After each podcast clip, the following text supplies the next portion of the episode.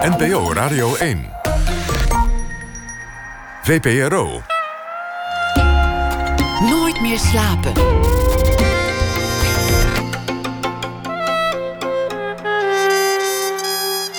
Met Floortje Smit. Welkom bij Nooit meer slapen. Rond half twee hoort u een reportage over de witte regisseur Karin Junger, haar drie zwarte kinderen en het racisme in hun leven. Wanda Rijssel die leest een verhaal voor bij het nieuws van de afgelopen dag. Maar eerst, komend uur zit Ted Langebach tegenover mij. Dus zo ongeveer tot de klok van half twee. Het is bijna 30 jaar geleden dat hij zijn eerste houseparty organiseerde. En sindsdien is hij uitgegroeid tot de partygoeroe van Rotterdam en ver daarbuiten. Hij organiseerde onder andere baanbrekende MTC-feesten en was oprichter van de club Now and Wow, dat een wereldwijde hotspot was voor de dance- en de housecultuur. Als Langebach een van zijn uh, feesten geeft, met thema's zoals uh, Lolita Club of Super Bimbo, dan zijn de kaarten vaak al uitverkocht voordat de DJ's bekend zijn. Want de bezoekers weten, zo'n nacht wordt sowieso legendarisch. Met Langebachs perverse komische mix van muziek, kunst en mode. Op een feest van Langebach kun je botsautootjes uit vagina's zien komen... of danseressen met grote bossen schaamhaar... of Osama Bin Ladens op een trampoline. Bovendien weet Langebach altijd mensen te programmeren voordat ze echt groot worden. De jeugd van tegenwoordig bijvoorbeeld, of Junkie XL. En uh, Lady Gaga die trad voor het eerst in Nederland op op een feest van Langebach voor een gage van 1000 euro. Momenteel is hij betrokken bij verschillende feesten en festivals, zoals uh, Milkshake in Amsterdam. En hij heeft zijn ogen weer laten vallen op een nieuwe Rotterdamse club. Ted, welkom. Ja, goedemorgen zou ik zo zeggen. Goeie, nou, goeienacht. Goeie, Ja. wat, wat jij wil. Ik weet niet hoe laat jij opstaat. eh. Nou, meestal is dat wel eh, 10, 11 uur. En naarmate je wat ouder wordt, heb je steeds minder slaap nodig. Hè? Maar ik moet zeggen, eh, vroeg naar bed gaan, dat zit er mij nog steeds niet in. Nee. Wat is nou, want ik, ik, ik zag een heel scala aan dingen die je hebt georganiseerd, gekke dingen die je hebt gedaan. Wat is nou hetgene waar je nog het meest op wordt aangesproken? Ja, dat is natuurlijk nog steeds nou wauw. Dat heeft te maken dat wij destijds in die club een soort democratie hebben veroorzaakt. Hè? Een soort vrijplaats. Waarin heel veel mensen vanuit verschillende culturen, verschillende geaardheden. Of hè, dat zich daarmee konden identificeren. Omdat je een norm had. Hè? Dat je ironie bedreef. Misschien niet direct ironie zoals zij dat uh, direct beleefden. Maar waar ze wel later over na gingen denken. Jij noemde net hè, de Osama Wilamas op, uh, trampolines. Of het illegale naaiatelier. En vrouwen met grote bossen schaam. Maar wij, wij namen natuurlijk de hele lifestyle van veel mensen ook gewoon op de hak en zo. En uh, tegenwoordig nu in het digitale tijdperk neemt iedereen zichzelf zo ontzettend serieus. Dat mensen bijna een soort uh, ja, stereotyp uh, ja, aanhangsels zijn geworden hè, van elkaar. Ze lijken allemaal te veel op elkaar. Ik zat vanavond ook naar het damesvoetbal te kijken. En je ziet bij het damesvoetbal dat ze steeds meer op de mannen zijn gaan lijken. En als je het herenvoetbal ziet, dan zie je toch wel met de icoon dat, dat het steeds meer meisjes aan het worden zijn. Dus wat dat er gaat, uh, is dat ook wel weer leuk. Maar soms, maar wij waren 10, 15 jaar geleden, voorspelden we dat eigenlijk al. En uh, dat we naar zo'n wereld zouden gaan. Maar we zijn natuurlijk uh, volledig overgecommuniceerd nu door de nieuwe media. En, alles, ja. ja. ja. Ik heb een hele gekke vraag voor je. Ik heb je, je, auto, of je, je biografie gelezen. Um, en er zat een zijstapje in en dat fascineerde me. En dat um, was dat jouw huis is ooit volledig afgebrand. Ja, klopt. Ja. Was je alles kwijt? Uh, behalve mijn flipperkast en uh, mijn lesbische vriendin. En ik had nog een Fender basgitaar over. En voor de rest uh, was eigenlijk alles weg. ja, en dat was in Rotterdam-West, vlak bij het Sparta-stadion... waar ik ooit ook ben opgegroeid. En ik, had, ik woonde in het huis omdat mijn vader destijds ook vrij jong is overleden. Die was ja, een mooie man, heel de wereld rondgereisd. inspirator ook, maar ja, kon niet van de drank blijven. Dus ik was 17 of 18 en toen bleef ik alleen daar. Mijn moeder was al weggegaan, was al uh, bijna gescheiden van hem. Dus, en toen heb ik het hele huis toen wit geverfd. Uh, en allemaal een beetje Ellie and Grey-achtige meubels. En ik heb er één grote gallery van gemaakt met flipperkasten. En kocht ook mijn eerste basgitaar van het verzekeringsgeld. Ja, wel, zo slim was ik wel. En, de, dus, en, maar ik ben toen nog daar gaan samenwonen met een, met, met een vriendin... waar, waar blij, later bleek dat lesbisch was natuurlijk. En, en, maar ik heb daar wel met haar een hele goede band kunnen oprichten, Doyo En we traden in het voorprogramma van uh, Liaison d'Angereux. Later kwam Leslie Woods van de Au ook bij. We hebben getoerd door heel Europa. En dat was een soort punk-funk. Het was in de tijd van dat, dat disco, funk, punk. Alles kwam een beetje bij elkaar. No Wave. New York was natuurlijk heel hip. Had al een connectie met Rotterdam destijds. En wij mochten optreden in het voorprogramma van Liaison d'Angereux. Ja. Nou, eerst, eerst even terug naar die brand. Ja. Want uh, dit, dit is voor veel mensen is dit echt een nachtmerrie. En die gaan ook nadenken over wat ze dan als eerste uit hun huis gaan redden. Maar jij deed er eigenlijk vrij laconiek over.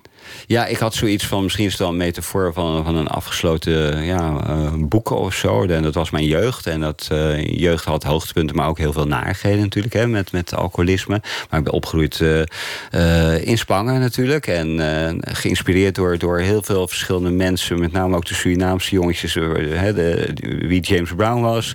En van de hippies leerde ik weer wie Jimi Hendrix was. Dus het was voor mij ook een soort melting pot. En ik voetbalde. En mijn ouders die eh, deden de catering van Sparta. Dus al die voetballers van Sparta kwamen bij ons over de vloer. Uh, dus het was voor mij ook een, een grote speeltuin. Aan de andere kant was het ook een beetje... Ja, met de dood van mijn vader en het alcoholisme... was dat natuurlijk ook best wel uh, een, een, nare tijd. En een, een, een, ja, een dubbel moraal bijna. En uh, voor mij, terwijl ik dat nog niet als zodanig wist te benoemen. En toen overleed hij. Dat was ook een soort bevrijding. En toen woonde ik daar anderhalf jaar. En toen kwam die brand. En het leek wel later dus van uh, dat dat, dat het begin was van, van, van een nieuwe uitdaging, van een nieuw leven. Want daarna begonnen pas die optredens. Daarna begon pas uh, het succes van, van die band ook, waar ik toen mee begon. Ik zat toen ook op de, begon ook op de kunstacademie. Maar ja, in die tijd was het natuurlijk heel bijzonder om op een kunstacademie te zitten. Maar ook nog meer bijzonder om een gesjeeste kunstacademie student te zijn. Dus, uh, Je moest hem al afmaken. Daarom. En iedereen maakte muziek en die deed een beetje mode. En we deden al feestjes met, met Gerald van de En uh, uh, die nam mij weer mee naar, naar feestjes van Peter Klashorst in Amsterdam in kraakpanden. Dus dat was wel een hele wilde tijd. Octopus in, in Amsterdam natuurlijk. Uh, al die obscure bandjes.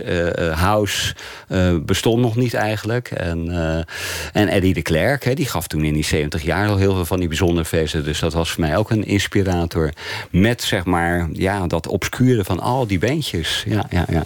Maar je bent, wat ik dacht over die brand. Ik dacht, je bent volgens mij niet zo'n terugkijker. Je bent niet een type dat, uh, dat heel erg lang terugblikt op uh, wat er geweest is. Je kijkt liever vooruit. Ja, dat, dat, dat is ook eigenlijk uh, waar ik het meeste kracht uit haal natuurlijk. Dat, dat inspiratie en toekomstgericht denken. Altijd, dat heb ik ook mezelf moeten aanleren natuurlijk. Hè. de mens is ook zijn eigen therapeut. Hè. Dat, dat, dat, daar had Wolkers het zelfs volgens mij over. Hè. Je moet je eigen psychiater ook zijn. En, en, en, en voor creatieve mensen geldt altijd dat je dan vooruit moet denken. Dat je altijd de uitdaging, de challenge moet aanvaarden. En uh, ook uh, moet proberen te gaan reizen naar, naar, naar steden. Ik was toen die leeftijd, ging naar Berlijn. Later ging ik naar Barcelona. En toen, toen leerde ik, uh, zeg maar, ja, in Berlijn natuurlijk... toen die muur er nog stond, wat anarchie was. En dat je van heel, met heel weinig middelen iets moois kon doen. En in Barcelona, waar ik iets later kwam, wat temperament was. En die twee elementen heb ik dus eigenlijk gebruikt later voor mijn feesten weer zo. Hè? De Latino touch met zeg maar de, ja, de anarchie van het leven. Het gewoon doen. En, uh, je hoeft geen skills te hebben om een muziekinstrument uh, te kunnen spelen. Maar je, je, kocht een instrument en je ging gewoon lekker rammen. En daar kwam geluid uit. En, uh, en ritme, jawel. Dus dat had al met ritme te maken. Maar vooral ook met vooruitdenken van avant-garde. Ja, ja, dat dus. Je wilde muziek laten horen. Je hebt um, je moet me even helpen. Het is uh, Los Niños del Parque van uh, Liaison Dangereux. Ja. Je hebt in het voorprogramma gestaan met jouw band. Klopt, ja. Door, door de alle spanningen uh, was ik hevig aan het hyperventileren die tijd ook. In, in 81, 82, 83. Ging het om met die lesbische vriendin. En toen had ik met Hans Raad, Pien Selliger en nog een wat gastmuzikanten. Ehm, wie zat er nog meer bij? Ron Lauwers, Pien Selliger, Ferdinand Rollet. wij gingen dus in het voorprogramma van, uh, van... We kregen de kans om in het voorprogramma van Liaison Dangereux te spelen. En we hadden bijna... We hadden cassettes hier bij Staalplaat. En we waren bezig met, uh, zeg maar, onze eerste LP. Ja, we gaan nu luisteren. Ja.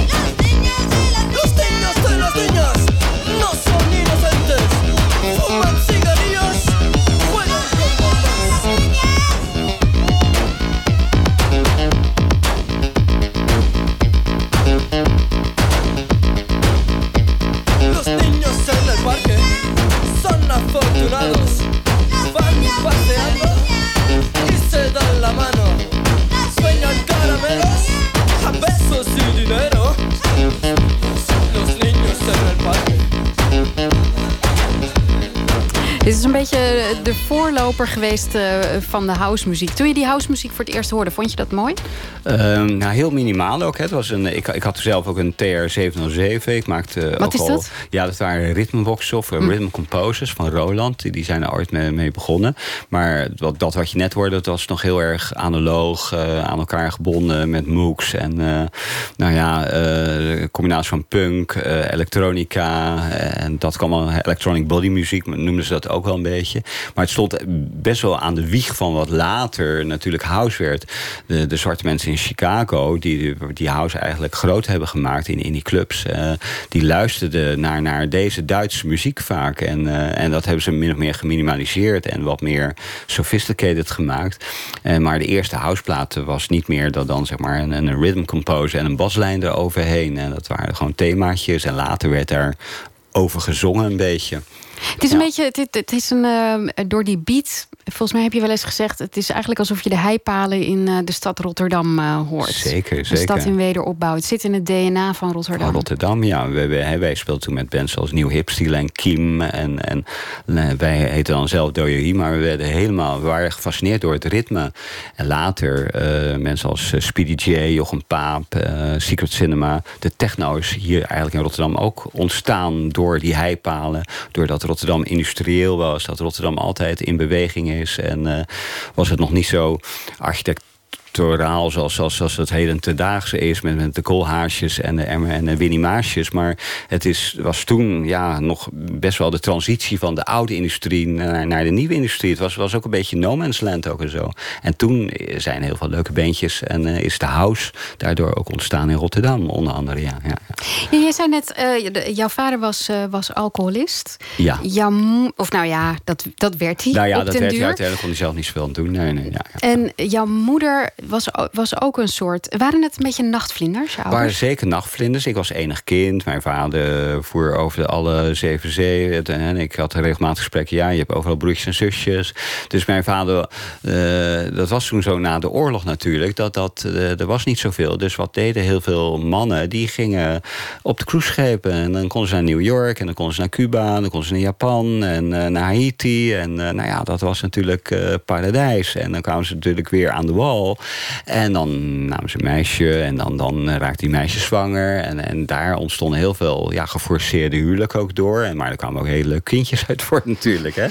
Eind 50, begin 60 jaren. En, uh, maar het was wel zo dat uh, als die mannen dan weer moesten kiezen... echt voor, voor, voor, voor, het, uh, voor de vrouw en voor het kind... ja, dan werden die mannen natuurlijk ook best wel depressief. Want die, die zaten ineens in, in een stad. Die moesten ineens een baan gaan zoeken in een stad ook. En die waren dat paradijs van, van al die steden... en al, al die wereldsteden ineens kwijt. Je hebt toch wel een paar dingen volgens mij aan je ouders gezien waarvan je dacht: dat ga ik nooit doen.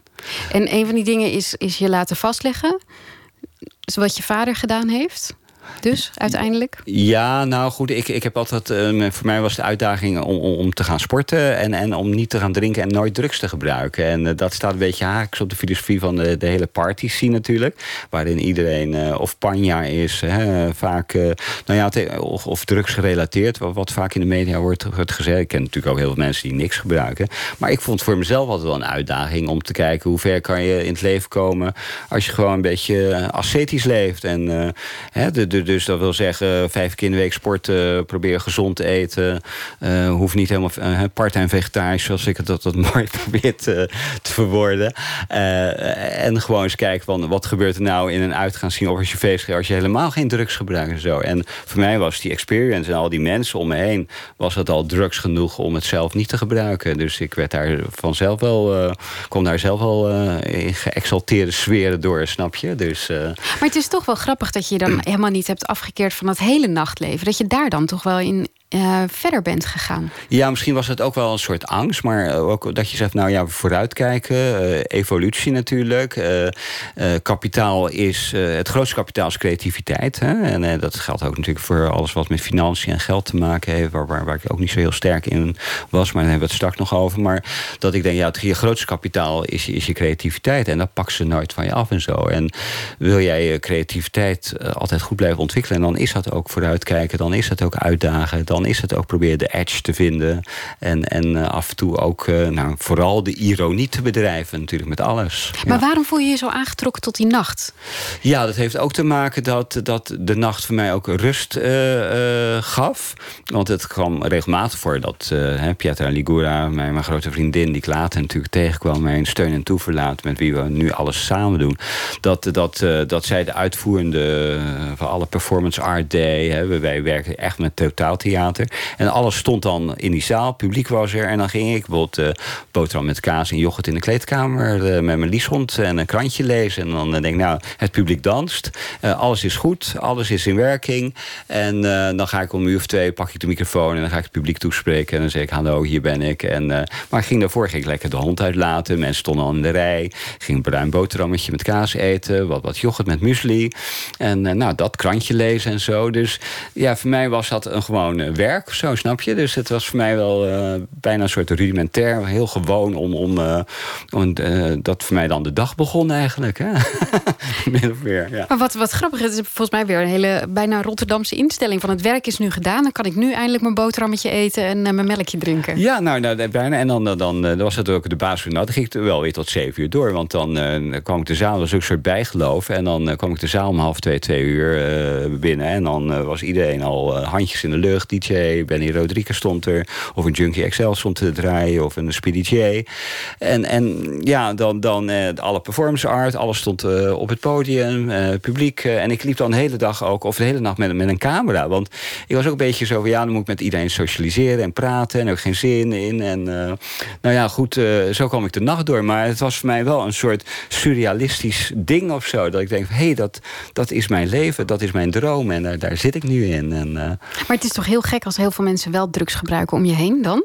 In een soort, Ja, alsof ja. ze in een andere wereld zitten bijna. Ja, maar het zijn ook allemaal momenten. Hè. Het is ook, ook eh, tijdelijk en, en mensen proberen het uit. En het was ook eh, zeker in de negentig jaren eh, tijd van het hedonisme natuurlijk. En, en ja, mensen wilden kijken hoe ver ze konden gaan.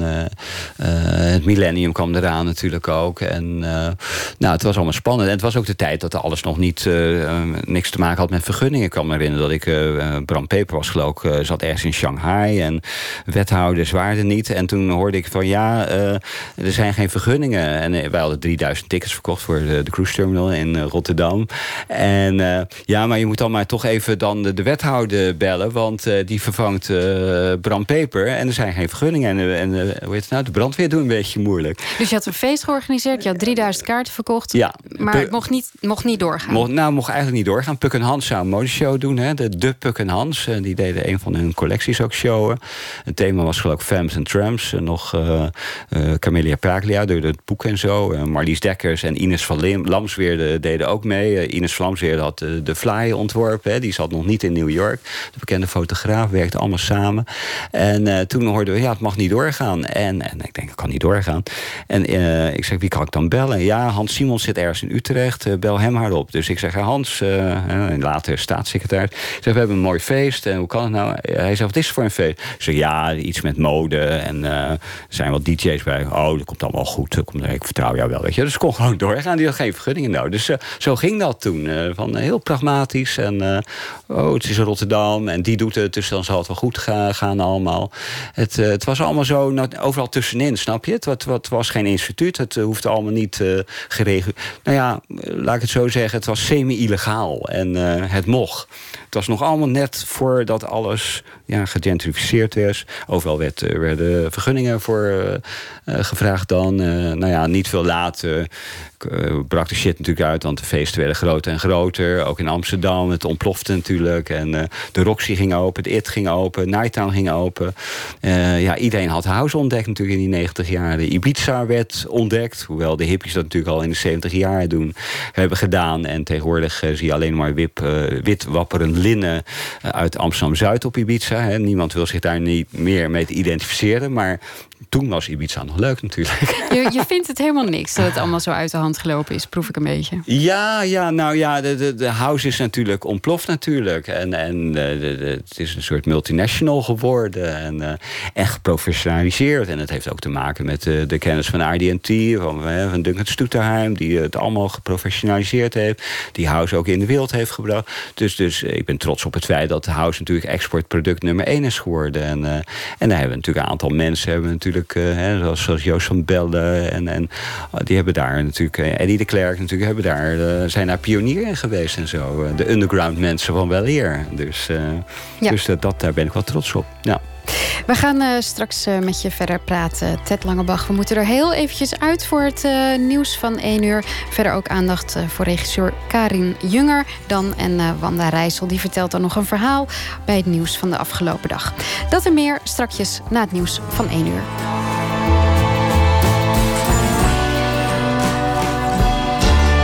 Radio 1.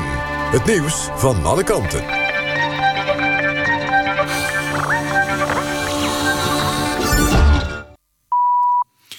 1 uur, Jan van der Putten met het NOS-journaal. De familie van verdachte Mark de J. in de zaak Everink... heeft een beloning van 40.000 euro uitgeloofd. Het geld is voor de tip die leidt tot aanhouding van de dader. Dat meldt Peter R. de Vries in RTL Boulevard. Zakenman Koen Everink werd in maart vorig jaar in zijn huis doodgestoken. Volgens het OM is er veel bewijs tegen de J. De verdachte, voormalig coach van tennisser Robin Haase... ontkent elke betrokkenheid. Op de westelijke Jordaanoever zijn drie Israëlische burgers doodgestoken, vermoedelijk door een Palestijn. De slachtoffers zijn twee oudere vrouwen en een man van in de dertig. Ze zouden in een huis zijn aangevallen. Gisteren vielen bij de Tempelberg in Jeruzalem drie Palestijnse doden. Het is al dagen onrustig bij de Tempelberg. Tientallen Nederlandse vakantiegangers op Kos slapen vannacht opnieuw buiten. In de buurt van het Griekse eiland was vorige nacht een aardbeving. Een aantal hotels en appartementen zijn daardoor beschadigd.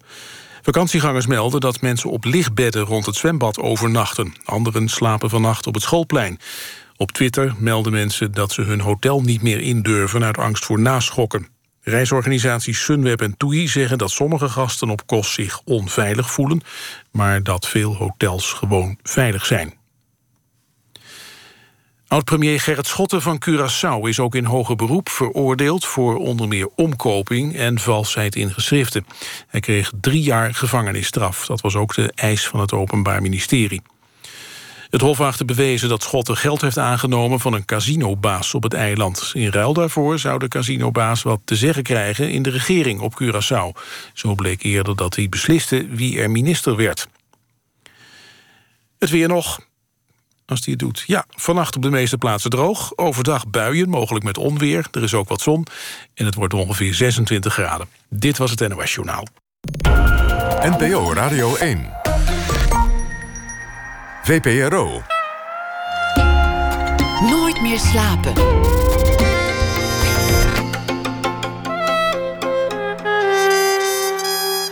Met Floortje Smit. Welkom terug bij Nooit meer slapen. En tegenover mij zit nog steeds feestorganisator Ted Langebach. Voor het nieuws hebben we het uh, onder meer gehad uh, over, uh, nou ja, over van alles eigenlijk. Over heel veel feesten die je hebt georganiseerd. Over de opkomst van de house in de jaren negentig. We hebben het gehad over de regelzucht van ambtenaren. Um, we hebben ook even besproken dat je ouders eigenlijk net als jij nachtvlinders waren. Dus er zit ook vast iets in het, uh, in het Langebach DNA. Ja, zeker. Ja. Um, je hebt uh, verschillende feesten georganiseerd. En uh, de meest bekende daarvan is Now and Wow. Maar eigenlijk kreeg ik heel erg het idee... het, het is niet voor jou een feest. Het is niet muziek, het is veel meer. Het is kunst, het moet alles... Totaal theater noem ik dat. En Now Wow was uiteindelijk het eindstation van al die feesten. Want het was een club, hè.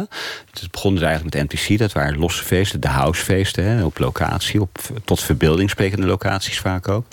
En, ehm, maar, maar later konden we dus een heel mooie loods in Rotterdam-West krijgen. En dat werd dus een club. Begon ooit met 200 mensen, maar niet veel later deden we Speedfreaks met Joost van Bellen. En, en ja, stonden er 8000 mensen voor de deur en dan konden er maar 4000 in. Heel de Maastunnel was verstopt ook en zo. En dat hebben we 3,5 jaar, nou, tot bijna vier jaar gedaan. Dus heel veel talent uit voortgekomen. En, en, en toen uh, waren we eigenlijk uh, op weg om te zeggen: oké, we doen geen housefeestje meer, we doen gewoon aan totaaltheater. Want alles kwam bij elkaar. Design, uh, mode, beeldende kunst. Iedereen participeerde uh, erin. Uh, mensen van de kunstacademie, talenten, iconen. Alles kwam bij elkaar. Het publiek ook. En we konden het gewoon elke zaterdag doen. En dat was ook, denk ik, de tijd van nou ja, het millennium eigenlijk. Hè. De, de, de angst was een beetje voorbij. En we konden nu het leven weer gaan vieren. En dat ging eigenlijk door tot 2004, 2005, 2006. Het opvallende en, ja. is ook dat er heel veel mensen bij elkaar kwamen... die je nu niet, misschien niet zo snel meer bij elkaar Volgens mij had je alle nationaliteiten had je zo'n beetje binnen bij elk ja, feest. Ja, zeker. Ja, ja. Zonder, zonder te moraliseren, zonder te denken van... oh, moeten we politiek of cultureel correct zijn. Nee, je stelde een norm. Eh, je, je kon spotten met elkaar. Ik, ik had er vaak ook met... toen Theo van Gogh nog uh, leefde... Had ik, liet ik ook nog een t-shirt van Religion is Dangerous. En toen zei hij, ja, dat, dat vind ik dus ook. En nee, wij, wij spotten met alles. Met, met geloof, met culturen. Maar juist daardoor was het aantrekkelijk ook... voor al die culturen, voor al die geloven... en ook alle atheïsten die daar kwamen. Uh, uh, alle leeftijden. Om zich juist met, met een club als Nauwwoud te identificeren. En uh, het was bijna een soort apolitieke stroming geworden. Waarin een ja, totaaltheater, waar wij ook zeg maar, de actualiteiten van, van, van, van, van ironie voor, voor zagen. Weet je wel. Dus dat, dat, dat was heel, heel, heel. Voor ons ook een uitdaging. Het kwam ook vaak voor dat we op zaten. Het hele decor weggooiden. En dan kwam, kwam er weer een nieuw decor of zo. Omdat het een andere actualiteit was. Waarom wilde je die actualiteiten daar zo bij betrekken? Het is toch een feestje? Ja, dat, dat, dat, dat, was ook gewoon zo. Wij, werden ook heel erg zeg maar, geenthousiasmeerd en geprikkeld door... Hè, er gebeurde natuurlijk heel veel in de wereld. Uh, de World Trade Center werd, werd, werd getorpedeerd. Uh, uh, nou ja, Michel Wallenberg kreeg gelijk met zijn platform... wat allemaal in Bali gebeurde. Het was toch ook wel een beetje een soort keerpunt van... ja, kunnen we de vrijheid over 10 of 22 jaar misschien nog wel vieren... Um, in de 80 jaar was het dansen over de vulkaan... omdat je bang was voor Oost of voor West. Hè. Hier in West waren we bang voor Oost. En toen was het ineens van, uh, oh jee, uh, het monster uit de woestijn komt ineens naar ons toe. En uh, wat gaat ons gebeuren? Mo, kunnen we straks nog wel feestjes vieren en zo, snap je? En uiteindelijk kwam het allemaal goed, want al die culturen bleven gewoon komen. En, en iedereen verzette zich tegen terrorisme en terreur en zo. En we, vierden de vrijheid natuurlijk. En dat ging heel lang nog door ook en zo. En, maar je was best provocerend, want als je Osama Bin Laden op een trampoline zet... of meisjes met een hoofddoek met een mobiel nummer op hun borst ja, ja, ja, ja. ja dat, dat kon allemaal. En die nummers die werden dan ook uh, best wel door de jongens uh, terstond. Uh, op dat moment werd er ook gebeld en zo. En ja, bleven dat gewoon fake nummers te zijn. Dus we begonnen al heel snel met fake nieuws, wat nu weer actueel is natuurlijk. en wat ook een thema trouwens is voor, van Milkshake volgende week, hè, waar we aan meedoen. Maar goed, maar, maar toen, ja, alles kon gewoon eigenlijk. Maar dat had ook te maken met zeg maar, dat het een soort vrijstaat was. En nou, dat vrijstaat, dat had ik ooit geleerd in, in uh, eind 80 of begin 80 jaar in Berlijn, hoe dat was. En uh, de Vrijstaat waar, de VPRO ook. Hè. VPRO hoorde ook bij mijn opvoeding. Uh, Wim T. Schippers deed ook aan ironie. En in de 80 jaren en in de 70 jaar mocht je ook alles zeggen. En dat was dan wel een soort onderdeel van een soort seksuele revolutie en zo. En het was, was heel evident dat het zo was. En dan was de televisie was natuurlijk je, je, je, je, tweede leraar of je tweede papa. Of, of, of, of je haat-liefdeverhouding met die tv. Of wat Gerrit Kommerij zei, de grijze hakbal. Hè? Dat, dat, dat was je treurbuis. Maar, maar uh, hè, toen, toen, toen kon eigenlijk ook alles. Maar op een gegeven moment uh, ontstond er ook wel uh, in de media een soort, soort, soort, soort rem en een soort politiek correctheid. Die, nou, daar ga ik niet aan meedoen. Dus in die club kon dat gewoon lekker doorgaan en zo. En wij zagen dat het publiek daardoor juist anders ging denken en, en juist liberaler werd en anders met elkaar omging. En, maar je zag toch ook op een gegeven moment een soort vertrutting bij je eigen publiek Zeker, ja. terecht. Ja, ja. Wanneer was en hoe zag je dat dan? Nou ja, je krijgt net zoals in de liefde krijg je de seven year itch natuurlijk altijd. En uh, dat, dat is natuurlijk bij, bij elke kunstvorm zo. Dat is bij alles wat succesvol is. Dat is bij uh, heel veel feesten of, of concepten. Dat dat na zeven jaar of na zes, zeven jaar... Dan, dan krijg je de opkomst van de extreme middelmatigheid. Dat wil zeggen, dat lijkt allemaal wel leuk. Hè? De, de, de, de mainstream moet gevoed worden. En de mainstream moet ook, zeg maar... Hè, alles wat nieuw is, dat, dat speelt zich af op de flank, eh, wat extreem is. En, en binnen de kunst geldt het zo dat als, als alles dan naar het midden trekt... dan moet die mainstream moet ook kwalitatiever worden. En uh, dat is soms ook goed. Dat zie je binnen mode, uh, de H&M's. En uh, wij zijn ook voor, voor G-Star bij gewerkt en, en dat soort dingen. En dan, dus, je kan ook spreken van een kwalitatieve mainstream. Maar mainstream kan ook imploderen... doordat het weer een soort slechte smaak wordt, snap je? Of dat het te veel publiek gaat komen die zeggen van... nou, ja, we willen weer terug naar die monocultuur... of we willen te veel urban, of we willen alleen maar techno. Dus toen kreeg je bijna weer een soort scheiding... tussen uh, alle, alle uh, uh, zeg maar, mensen. Weet je, de kleuren gingen weer in een hokje. De geaardheden gingen bijna weer in een hokje. Dat was in 2007. Dat was echt wel een soort kantelmoment. Maar dat was ook een moment dat, dat het ook in Nederland zich plaatsvond. Hè? Dat de, de crisis...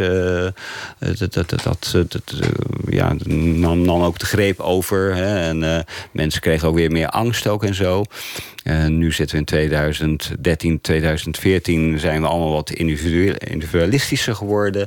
Meer kleine complementaire economieën. En mensen zijn ook, uh, maken hun eigen economie. Maar toen in 2007 was het toch wel even een soort ja, een raar punt. Dat mensen allemaal maar hoe zag je dat dan? op de handrem trapt of zo. Ja, 2006, 2007. Reageerden mensen anders op wat je deed? Of... Ja, uh, misschien ook een soort verzadiging en zo. Hè. Dat ga je toch ook wel krijgen. Dat, dat, dat, dat een concept ineens uitgemolken kan zijn. Of misschien uh, doe jij het niet goed. Of misschien je het publiek niet goed. Of misschien zijn er kapers op de kust... die gaan jouw merk kopiëren. Je krijgt een soort copycat. heel veel mensen in, in de dance scene gingen elkaar... Hè, Joost Bell noemde dat partycannibalisme. Gingen elkaar imiteren, nabootsen. Voor geld natuurlijk. Uh, EDM kwam op, hè, de electronic dance music, de, de, dance music. Dus dat ging de hele wereld over.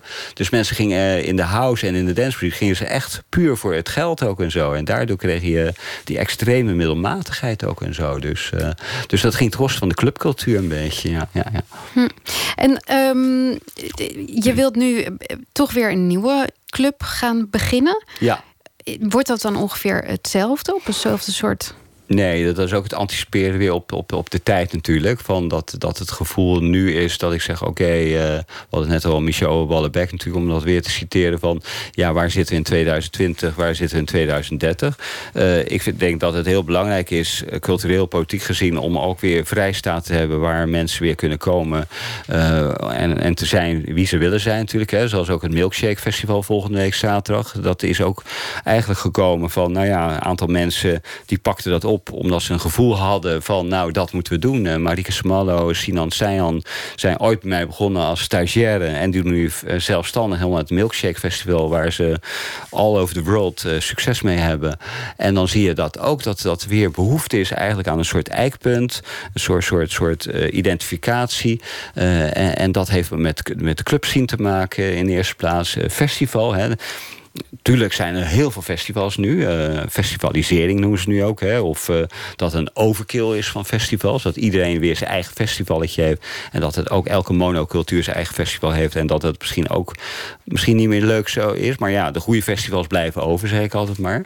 Maar, maar um, het is wel zo dat, uh, dat, dat, dat het nodig is, juist in een tijd waar polarisatie nu weer daar is. Waarin mensen niet meer met een rokje over straat misschien kunnen lopen, waar homo's niet meer zo he, vanzelfsprekend hand in hand kunnen lopen, dat het juist weer nodig is om een soort clubcultuur uh, te gaan creëren. Ja, en je denkt dat, dat, dat mensen daar behoefte aan hebben dus, maar denk je ook niet dat dat juist heel veel weerstand oproept? Nee, nee, nee, want uh, je moet altijd uitgaan van je eigen intuïtie en gevoel. En uh, wij geven ook, wij werken met heel veel mensen die nu afstuderen, kunstacademie, Erasmus Universiteit, die doen cultuur. En dan hoor je het zelf, hè, dat, die fungeren voor ons als een soort klankbeurt. Pietra Ligor, mijn vriendin en ik... dat ze zeggen, oké, okay, er is weer behoefte aan een club. Want er zijn nu zoveel festivals, er is nu zoveel cannibalisme... dat, dat we terug moeten naar een soort basis. En terug naar een basis, dat, dat is een beetje voor mij een, een, een, een naar ding. Want ik wil altijd vooruitdenken, zoals, zoals je weet. En, uh, maar ja, er moeten wel plekken komen, bijna, uh, wat ik al zei, een soort vrijplaats... waar weer mensen hun nieuwe dingen kunnen uitproberen. Want we zitten nu een beetje over de top... wat betreft de, de, de DJ's, de dancemuziek. En uh, we moeten nu weer gaan creëren. We moeten nieuw talent weer podia gaan geven. En, uh, en natuurlijk ook uh, de assimilatie van heel veel verschillende disciplines, domeinen, popmuziek, dance. Het komt ook allemaal een beetje bij elkaar eigenlijk. En dat is wel fijn. En het moet niet alleen maar vanuit instituten of vanuit festivals geprogrammeerd worden. Nee, juist vanuit plekken waar mensen ook gewoon een laagdrempelig podium krijgen... waar, waar weer mooie dingen kunnen gebeuren. Ja. We gaan nog even luisteren naar muziek. Ik heb uh, namelijk uh, de Rotterdamse punkfunkband door Jorji. Ja, dat is mijn ja, eigen band. Ja. Je eigen ja. band. Um, even kijken. En dan heb ik het nummer, dan moet je me ook helpen. King Kunks. Quinkkunks. Dat ja. bedoel ik. Ja. Dat is precies ooit, wat ik wilde zeggen. Ooit nog bij de VPRO Live bij? De tijd van Marjoke Roorda. Nou, nog ver voor je tijd volgens mij. Ja, klopt. Begin 80 jaren. Ja, ja, we gaan luisteren.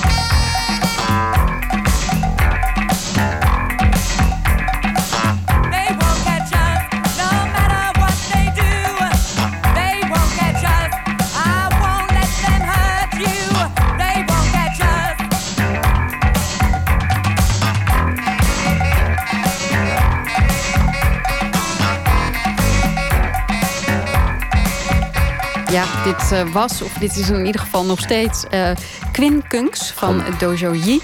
Uh, de oplettende luisteraar die hoorde Ted Langenbach uh, dat is de bassist. Ja, van, dat uh, was die beroemde bas die ooit uh, mee was genomen uit het brandende huis, weet je nog? Precies, die bas. Die, die bas, die, ja. uh... En die werd later goud waard. Zo wil ik dacht, ik heb niks meer.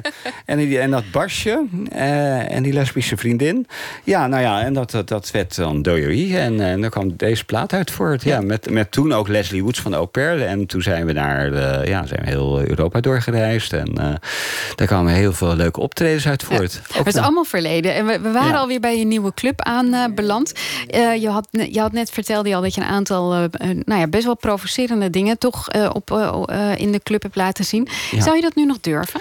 Nou, ik denk dat het juist wel weer nodig is om te provoceren. Om juist de democratie weer te herstellen. dat klinkt heel paradoxaal, maar het begint ook, net zoals bij kunst en cultuur en met, met, met, met creëren van iets en, en, muziek, dat het soms met, met chaos mag beginnen. En, en dat je daarna dan weer structuur uh, aan probeert te geven. Of juist niet. Hè. Dat kan alle kanten op gaan. Maar uh, ja, wat, jij, wat jij zegt, is juist nu nodig om, om weer in deze tijd waar, waar verwarring, waar mensen ook overgecommuniceerd zijn, hè, waar mensen allemaal een appnek hebben. Uh, niemand praat nog of niemand heeft nog in de gaten of ze, dat ze zintuigen hebben. Ik denk dat het juist nu nodig is om, om weer een club te formeren. En juist omdat hij, dat hoorde wat ik voor de, voor, voor de muziek, dat, dat ook vanuit de stad en vanuit veel jonge mensen hoorden zo van er moet weer nu een ambassade komen waar we elke zaterdag naartoe kunnen gaan. In Amsterdam hebben ze school, in Berlijn hebben ze de Berghain, in Barcelona hebben ze de Razzmatazz. Dus, dus ja, Rotterdam ontbeert nog eigenlijk een, een goede club. Ja, wat die clubs van jou altijd doen is dat je, dat je mensen samenbrengt. Iedereen kan daar helemaal zichzelf zijn, uh, zo gek als die wil. Uh, maar je hebt tegenwoordig heb je al die telefoontjes waarmee je foto's kan nemen. Ja, dat, ja. Is, dat is een grote onveiligheid op zo'n feest. Nou, niet alleen onveiligheid, maar het, het, het, het is ook heel vervelend voor je feest. Want uh, stel dat mensen elkaar alleen maar staan te appen en dat ze niet meer dansen. En gelukkig zijn er steeds meer festivals, maar ook ja, een club als de Berghain die verbiedt dus ook dit soort iPhones. En dat, die moeten allemaal in de kluis opgeborgen worden. En dan gaan mensen gewoon dansen en dan gaan ze gewoon vrij. Of gaan ze zoenen met elkaar, of gaan ze flirten met elkaar. Of wat, wat, ze ook, wat, wat ze willen met elkaar. Jij pakt ze gewoon die telefoons af. Die, ja, want je mag dan ook niet mensen fotograferen. Want mensen voelen zich dan ook uh, ja, niet zo fijn... omdat hun privacy dan wordt onderdrukt of zo. Of dat ze later misschien op Facebook of op Instagram... ineens een foto zien dat ze bedwelmd zijn of iets... of chemische middelen hebben gebruikt. Maar goed, er zijn natuurlijk heel veel mensen ook... die gebruiken hun endorfine om, om stoned te zijn... om zich gelukkig te voelen hoor, door veel te sporten... en pure chocola te eten. Dus drugs is niet altijd nodig. Nee. Je bent heel vaak ben je weer opnieuw begonnen. Je bent opnieuw begonnen na die brand. Je, bent, uh, je hebt na de dood van je vader... ben je opnieuw begonnen met een soort nieuwe start. je hebt een, een club gehad, What? Ja, ja wat Wat. helemaal eigenlijk finaal fout liep. Ja, Die is al mijn 30 dagen open geweest. Nou, al mijn spaargeld had ik dus. Uh, ik was een beetje boos op Silo, omdat daar ook een schietpartij was ook. En, en, en, en daardoor, uh, dat was niet goed voor mijn merk. Nou, Wout heb ik mijn Nou Wow merk daar weggehaald. Heb ik bevroren, in de koelkast gelegd. Zuinig. Later is dat Nou Wow vest geworden. Maar toen heb ik een uitstap gemaakt om de Nighttown uh, met een aantal compagnons te kopen. Omdat wij vonden dat Rotterdam ook een poppodium nodig heeft. Hè, had destijds. En daar kwam dus Lady Gaga, Iggy Pop, uh, Mode Selector, noem maar op.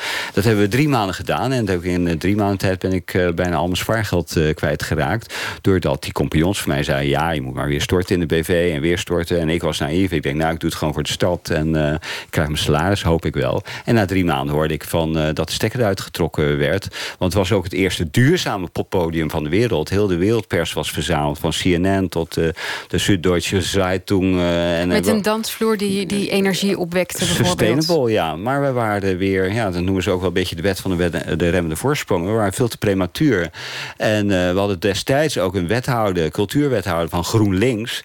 En die vond het volgens mij allemaal niet zo interessant. En uh, ik kreeg bijna geen loyaliteit van hem. En ik zeg, ja, wilt u dan... He, die compagnons lopen mij weg en al mijn spaargeld zit erin. Ja, ja, nou ja, moet dan maar een stichting over gaan nemen. En toen heeft een stichting Waterfront het overgenomen. En, en toen is na een jaar het faillissement uitge, uitgesproken. Omdat ja, ze gingen een beetje naar achteren zitten allemaal. En het sustainability en het duurzaam was allemaal niet zo relevant meer. En het werd niet zo consciëntieus meer geprogrammeerd.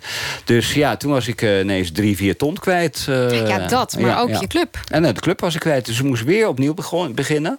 En nou ja, toen zijn we als creative consultant worldwide voor G-Star begonnen. Dus dat was ook weer een uitdaging. Maar ga je er niet bij de pakken neerzitten op den duur? Want het is iedere keer moet je weer vanaf, vanaf zo weinig weer opnieuw opbouwen. Ja, maar de renaissance, ja, eh, men zegt dat het één keer bestaat. Maar eh, volgens mij ja, is dat ook al goed voor jezelf om bepaalde dingen ook weer, weer los te laten en weer opnieuw te beginnen. En uh, daar word je ook sterk van. Weer vallen en opstaan. Dat, misschien ben ik daar ook te veel sportman voor. dat, dat zou zomaar kunnen. Natuurlijk zit je even in een dip. En, en natuurlijk denk je even van ik ga de boel in brand steken. Of ik word, word terrorist. Of weet ik veel wat ik allemaal wilde worden. Maar uh, dan, dan, dan gaan, word je weer omringd door vrienden. En door, door, door, door, door saamhorigheid. En dan, dan ga je maar weer iets beginnen. En toen zijn we, daarna zijn we, ben ik nog cultuuradviseur in Eindhoven geweest. En uh, we heel Eindhoven weer. Met Stripe S hebben we technologie en design uh, integraal met elkaar gecombineerd. Al die domeinen goed. En nou, gaat goed met Eindhoven nu ook. Het gaat nu ook goed met G-Star. Dus dat hebben we toen ook allemaal goed gedaan, Pietra en ik. En, en, en toen zijn we nou Wouwfest weer begonnen als festival.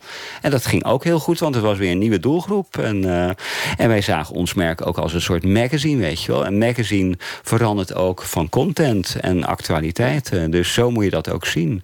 Een concept is nooit, zeg maar... Uh, ja, hoe zeg je dat? voor altijd. Nee, het is, moet ook in beweging zijn.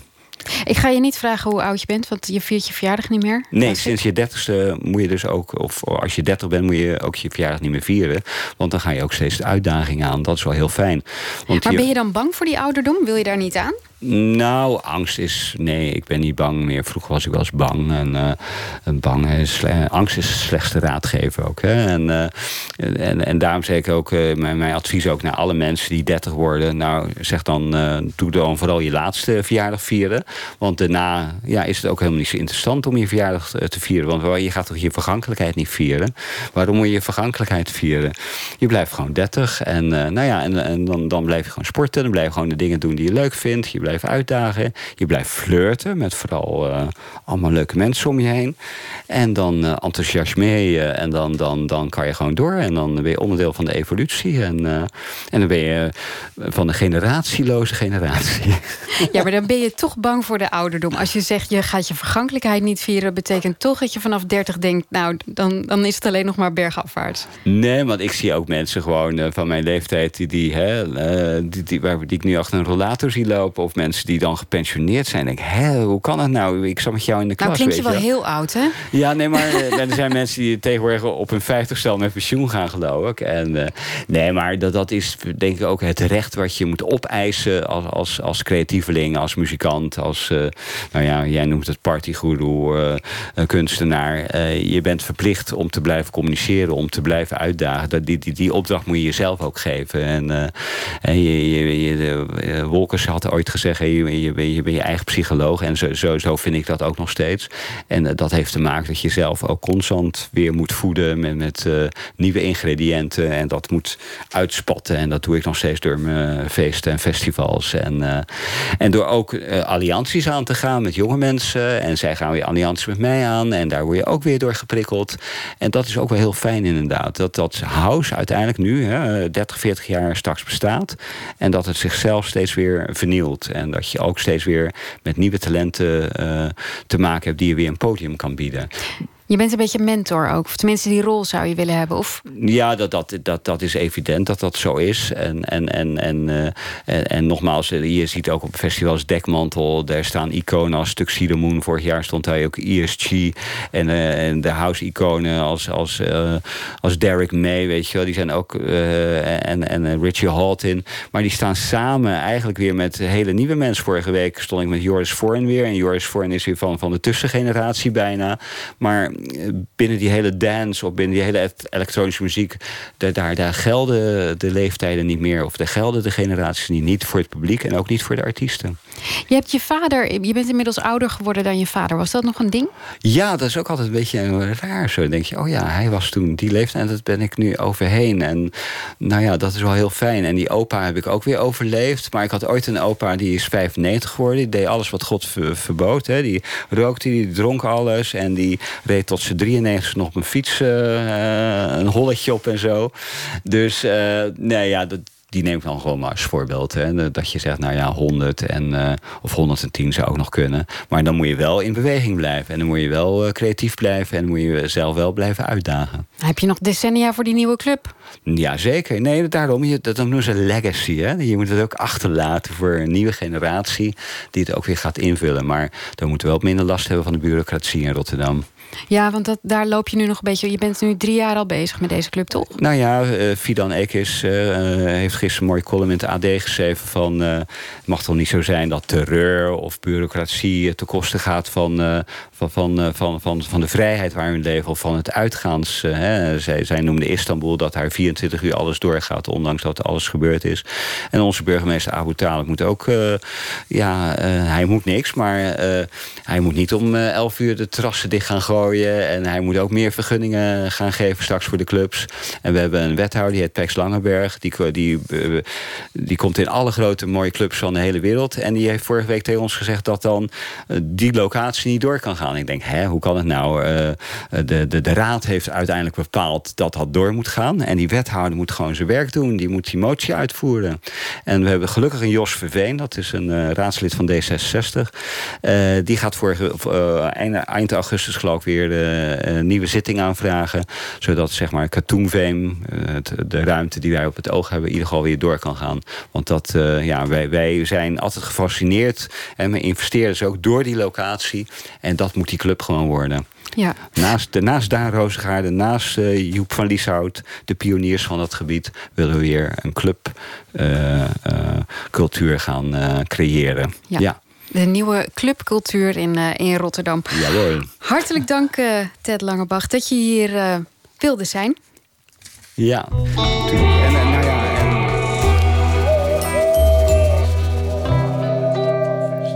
Ik, ik hoor nu nog, ik moet nog zeggen, 16 december nou, nou wow. En volgende week natuurlijk hè, uh, hebben we natuurlijk milkshake. Dus uh, kom daar alle naartoe. Precies, ja. dat uh, kan altijd. En ehm, ik wilde dan een plaatje aankondigen. En dat is Dan Auerbach met het nummer Malibu Man.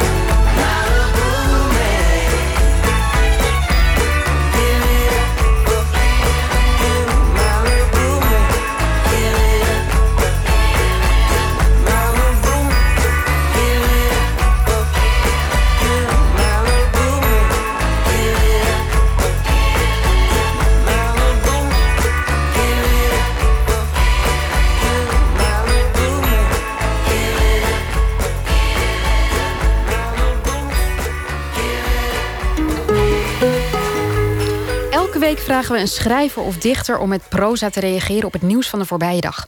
Deze week wordt dat verzorgd door schrijfster Wanda Rijssel. Sinds 1985 eh, schrijft ze theaterstukken, filmscenario's en romans. Haar laatste roman, Liefde tussen vijf en zeven over bedrog, kreeg lovende recensies. Goeienacht, eh, Wanda. Goeienacht, Floortje, met Wanda. Ja, ik ben het. Je bent het, je bent het. En je hebt vandaag weer de hele dag natuurlijk uh, het nieuws gevolgd. Ja, of niet? Af, de, ik, heb, uh, ik heb het hele internet uh, afgeschuimd naar, naar iets interessants. Want het is natuurlijk komkommertijd. Ja. Daar is de zomer voor. Maar um, ik heb, um, ik heb twee onderwerpen gevonden... die, die me eigenlijk als kind al fascineerden.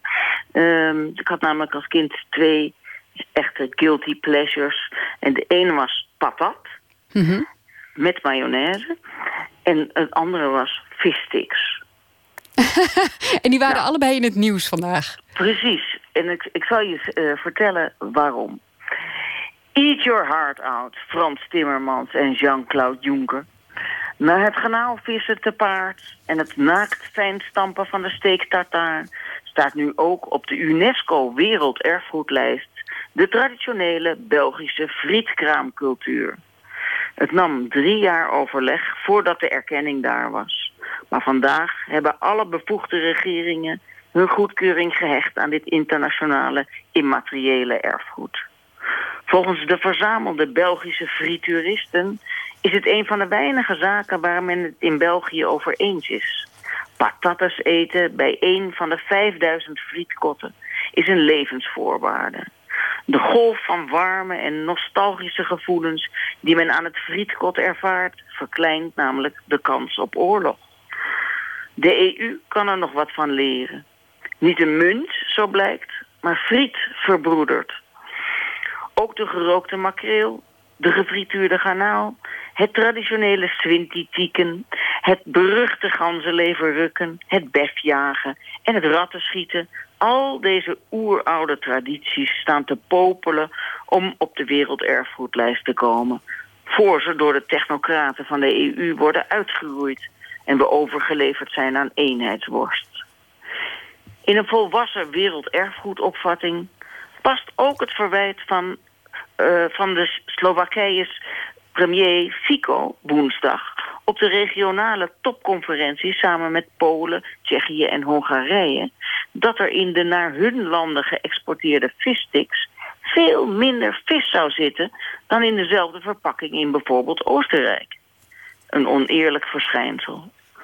Over deze sluipende discriminatie van armere Oost-Europese EU-landen spreekt de Slovaakse premier binnenkort op de lunch met de Europese Commissie.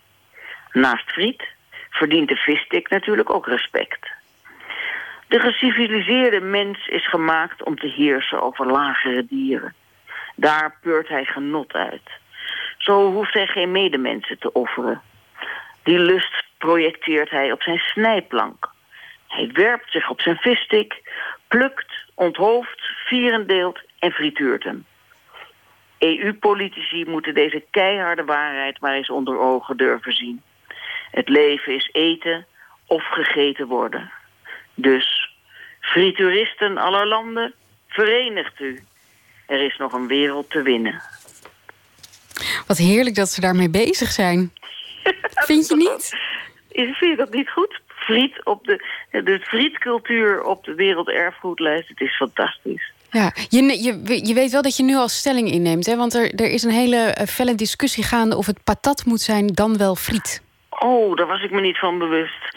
Want uh, ja, ik vind, ja, ik vind patatten, patatten zoals de, zoals de Belgen zeggen, vind ik eigenlijk wel fijn. Maar friet is toch wel, is, dat is toch de beste benaming. Ja, ja, oh ja, dat, ja ik durf daar, ik durf daar geen, uh, geen mening over te geven. Nee, dat snap ik wel, ja. Dat is, het is moeilijk, het blijft heel moeilijk.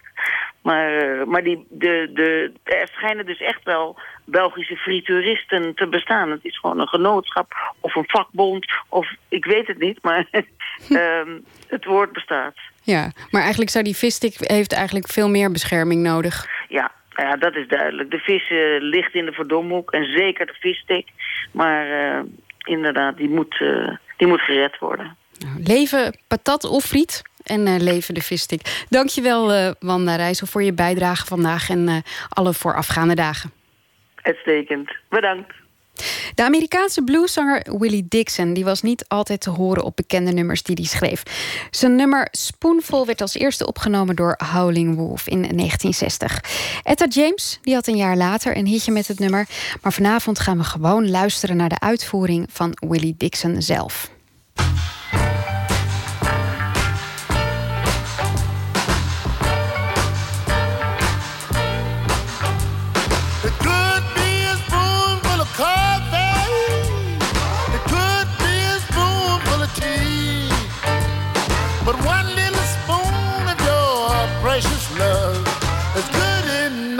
For me.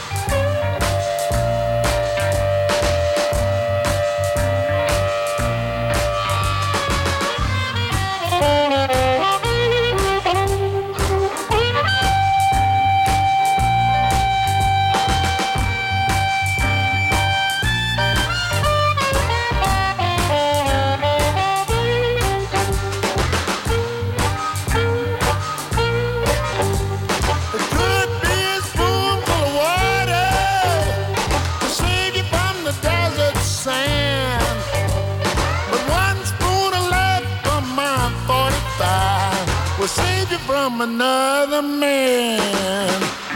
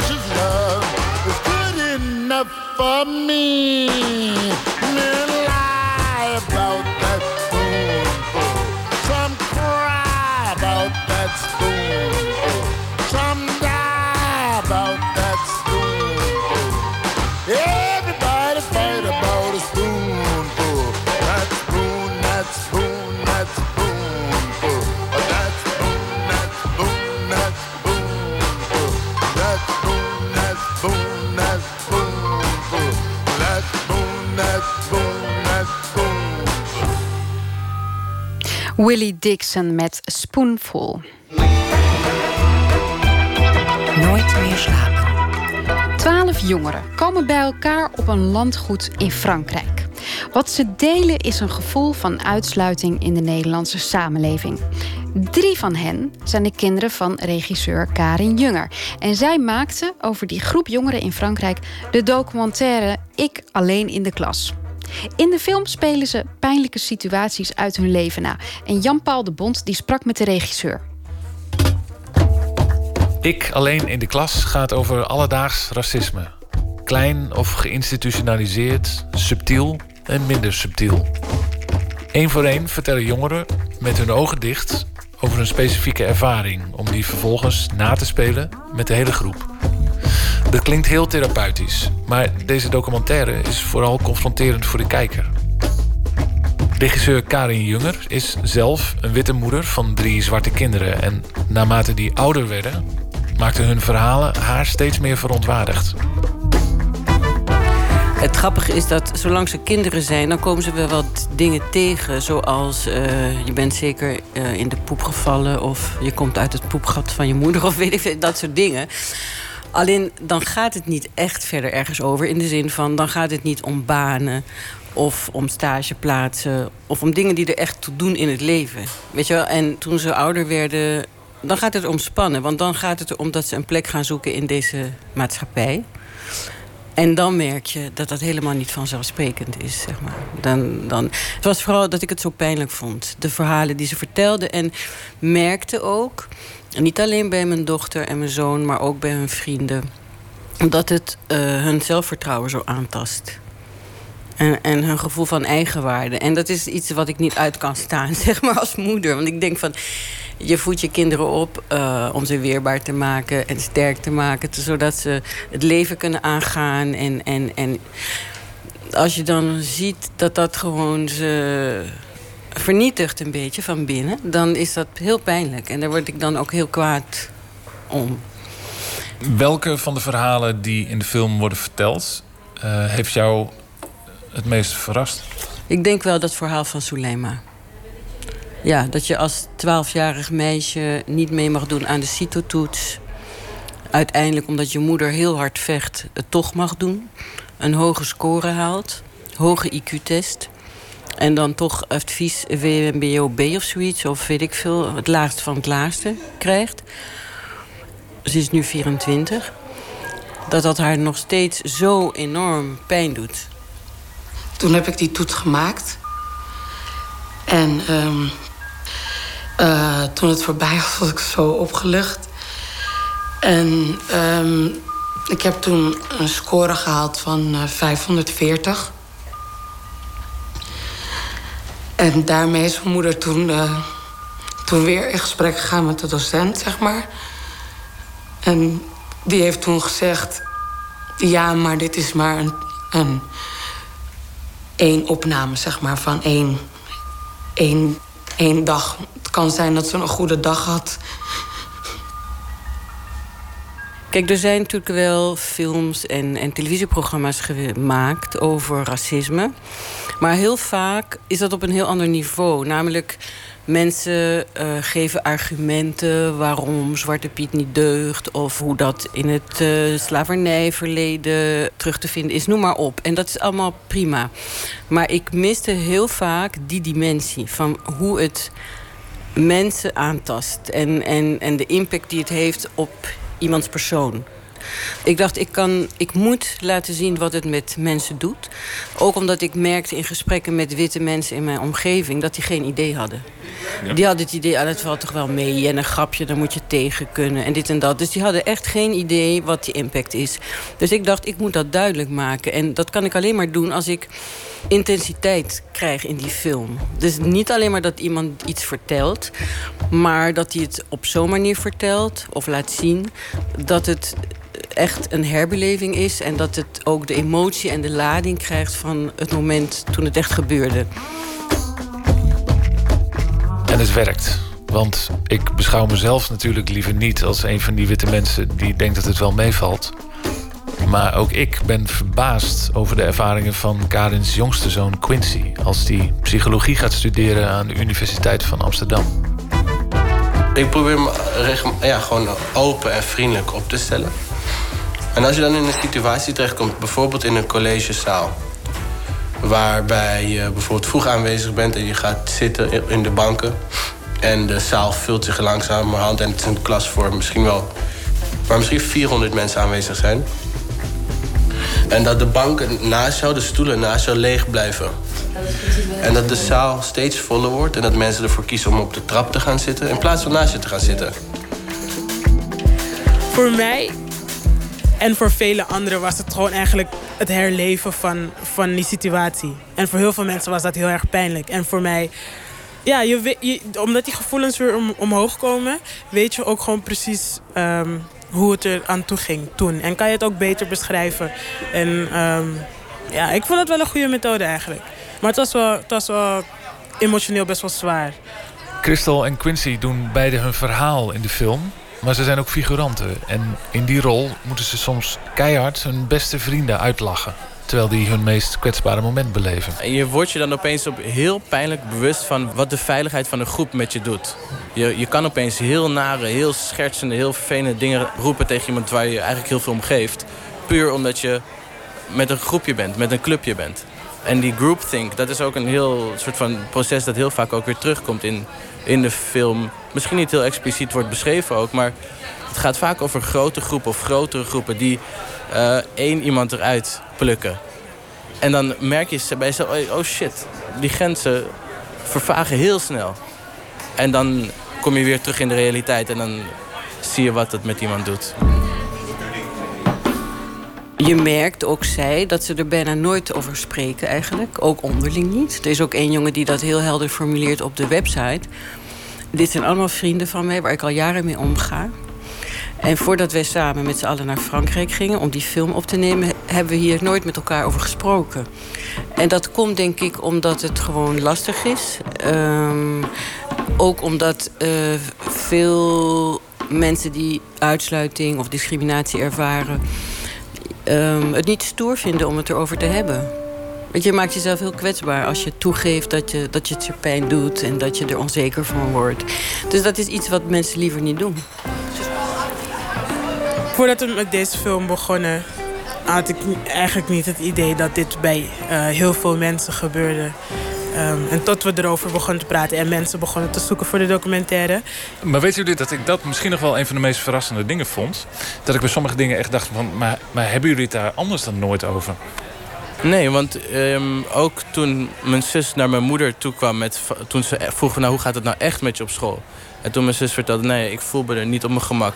Ik heb niet het gevoel dat ik ergens bij word betrokken... en dat ik een soort van erbij hoor. De, reactie van mij en mijn broer was, ja, nou ja, dat is toch normaal? Het is eh, school, je gaat er naartoe voor je opleiding. Je gaat er niet naartoe om een gezellige tijd te hebben. Ik denk dat wij voor die film dat allemaal een soort van als gegeven hebben geaccepteerd. Van, er is een bepaalde plek in deze samenleving waar je het wel op je gemak kunt hebben. En er is een heel groot gedeelte van de samenleving waar dat niet zo is. En dat is gewoon hoe het is. En ik denk dat we dat steeds minder eh, voor onszelf accepteren. En dat je daar geen genoegen mee hoeft te nemen. En dat je, als je dat alleen al door het uit te spreken, kan je daar een stap in zetten. Je moet weerbaar zijn, veerkracht hebben om je niet te laten ontmoedigen. Dat is belangrijk. Het is belangrijk dat ouders ook dat hun kinderen leren. Want er zijn veel ouders die zelf ehm, hun kinderen bijvoorbeeld leren om geen enkele Nederlandse, witte Nederlander te vertrouwen. Niet naar een leraar toe te stappen als er iets fout gaat. Want je kunt een leraar ook niet vertrouwen. Weet je wel? En dat maakt het extra zwaar voor die kids. En het is belangrijk dat ze juist wel naar hun leraar toe stappen. En voor professionals, kijk, ik vind het onwaarschijnlijk af en toe als ik de verhalen hoor van uitsluiting in een klas. De grappen die leraren zelf maken. Dan denk ik, nou, het onderwijs in Nederland moet ook wakker geschud worden. Als een kind enorm gepest wordt of uh, je ziet dat, dat hij uitgesloten wordt van, van alles en nog wat, dan moet je wat doen, vind ik. Weet je, in plaats van alleen maar weg te kijken. Jan-Paul de Bond in gesprek met regisseur Karin Junger over haar documentaire Ik alleen in de klas. De film is te zien op uitzending gemist. Het New Yorkse kwartet Lucius die schreef het volgende nummer Million Dollar Secret voor een aflevering van de HBO-serie Girls.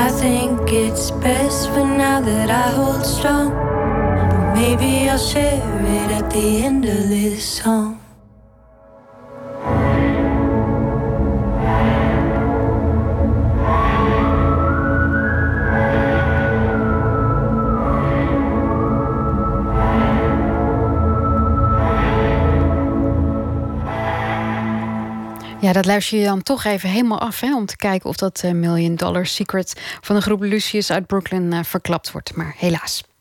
We gaan verder met eh 1 minuut. Een serie vol wonderlijke verhalen in 60 seconden. En de bijdrage van vannacht heet Een nieuw begin.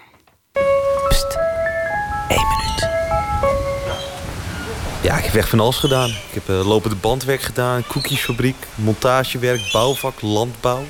En toen, toen ik 60 banen gehad had, ben ik maar gestopt met tellen ook.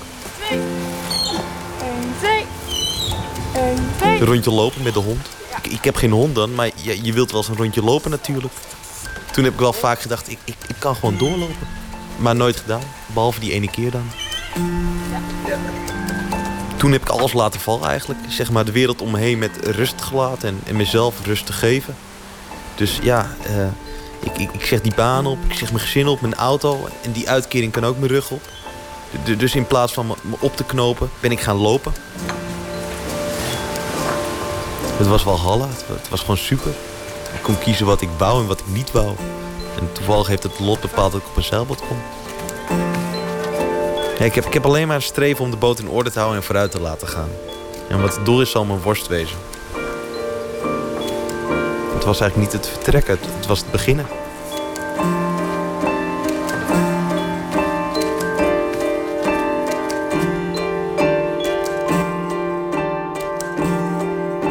U hoorde 1 minuut, gemaakt door Laura Stek.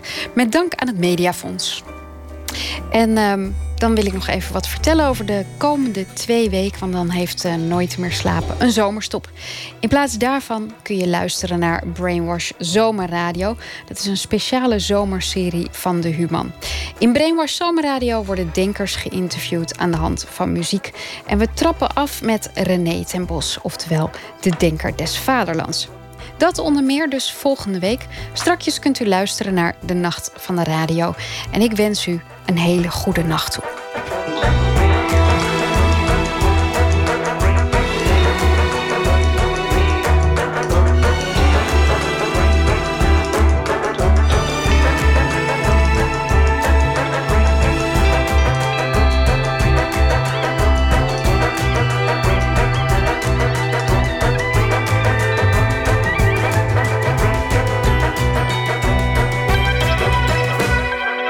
Radio 1. Het nieuws van alle kanten.